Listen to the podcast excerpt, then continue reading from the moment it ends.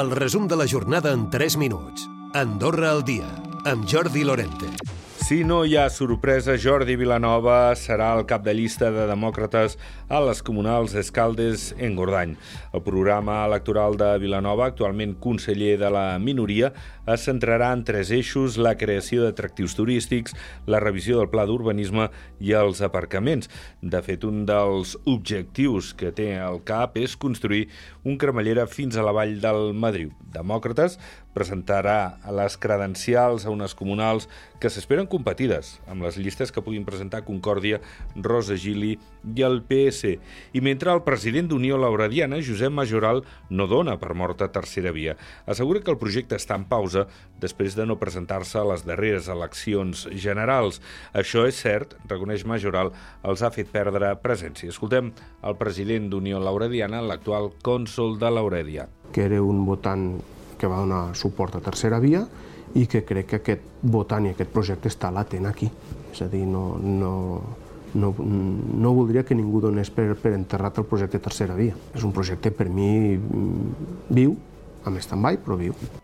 Assegurar el relleu generacional és un dels principals objectius del Comú que planeja incloure noves ajudes per modernitzar les explotacions i fer-les rendibles. D'això n'han parlat aquest divendres en el pas de la becada amb uns 200 caps de bestiar que han creuat el fons de la vall des del Pla de les Pedres fins al Maià. Francesc Camp, cònsol de Canillo. Més que tradició també diria una necessitat cada vegada més, no? perquè està a l'ordre del dia la neteja del, de l'espai natural amb, amb el risc d'incendi que hi ha cada vegada més alt, amb, el, amb les temperatures altes que estem tenint cada vegada més ampliar el punt lila amb una segona carpa i implementar-lo al màxim possible. La Creu Roja treballa amb aquest objectiu. De fet, ja s'està treballant amb el Ministeri de Salut. Jordi Fernández, director de la Creu Roja. Ens oferim i estarem sempre eh, a disposició doncs, de qui ens sol·liciti. De fet, tenim una carpa i anem comprem una altra per l'any que ve, perquè quan es solapin dos festes majors doncs ja tinguem un segon recurs. Tant aquest punt com el punt lila, eh, com eh, tot el tema de consum, sobretot mm, de substàncies, sobretot d'alcohol, ens preocupa moltíssim. Una vintena d'infants i adolescents procedents d'Ucraïna visitaran Andorra durant 15 dies. Serà amb l'objectiu d'escapar del conflicte. De fet, aquests joves tenen entre 8 i 14 anys, provenen d'una escola de la capital Kiev immersa en un conflicte que no cessa.